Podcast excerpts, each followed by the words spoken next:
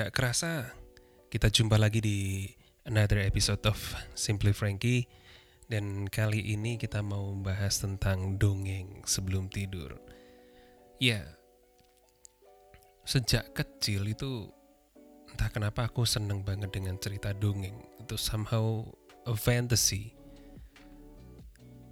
Jadi dulu itu langganan ber kita berlangganan majalah Bobo. Bobo teman bermain dan belajar.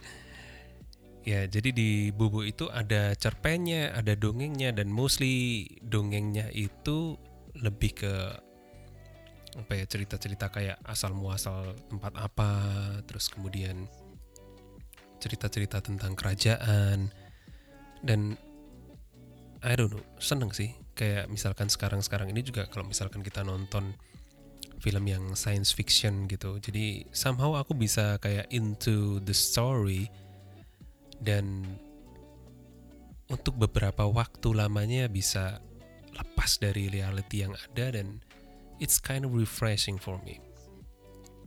Dan hari-hari ini tuh kalau anak-anak tidur, jadi ya mostly karena aku tidur nemenin tidurnya anakku yang pertama Marvelio dan anakku yang kedua Maxwell.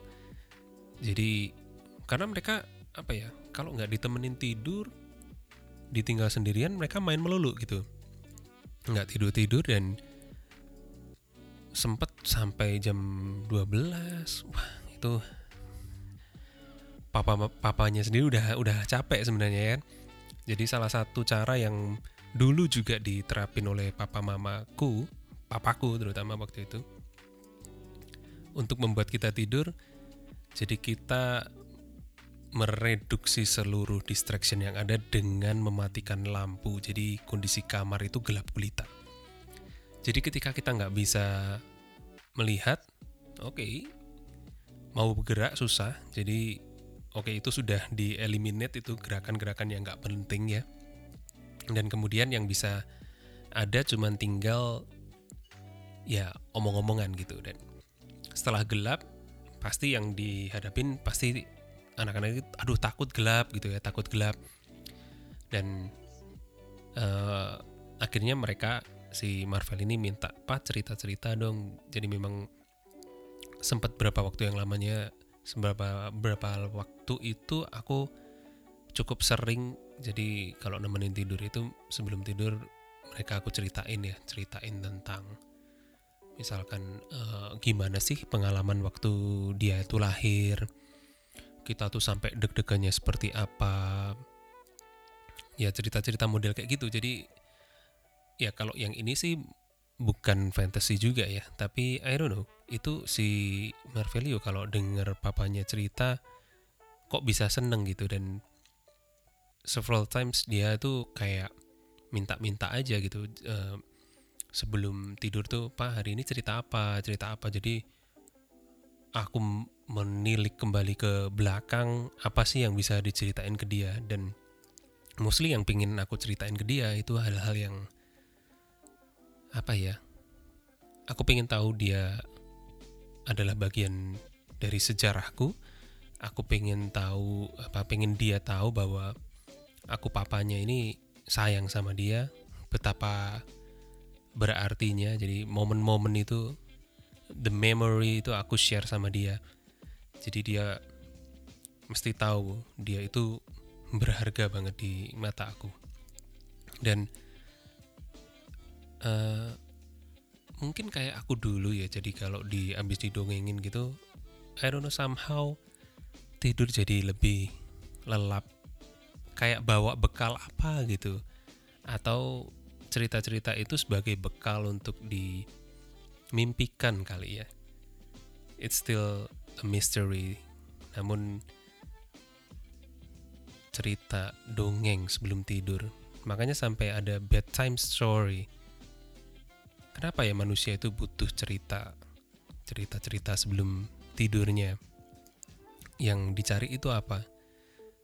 Dan perlukah kita memang dibekali dengan cerita-cerita seperti itu?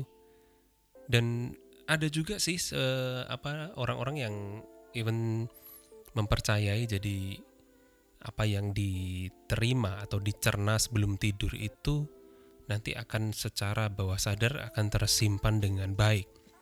Contohnya eh, mereka-mereka yang sering kayak sebelum tidur itu mereka dengerin podcast atau dengerin apa pengetahuan apa gitulah uh, audiobook dan nggak sadar juga akhirnya katanya materi itu bisa I don't know lebih long lasting atau gimana gitu ya.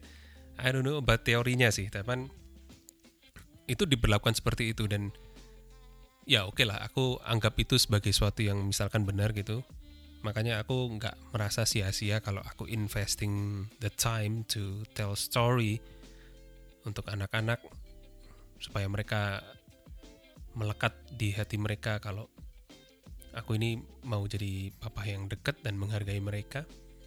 Dan kadang-kadang uh, waktu-waktu cerita di malam hari itu uh, lebih banyak juga aku reconcile sama dia.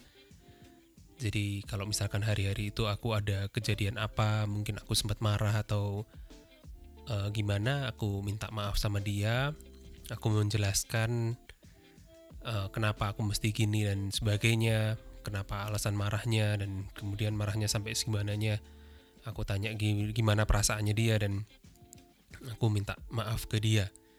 Dan kemudian kalau misalkan dia ada melakukan sesuatu yang menurut kita juga nggak oke okay dan sebagainya, itu jadi momen yang uh, aku pakai untuk tadi kok kamu kayak gini itu nggak baik dan sebagainya itu itu menjadi momen-momen yang precious sih so cerita-cerita sebelum tidur ini menjadi momen-momenku yang berharga bareng anakku.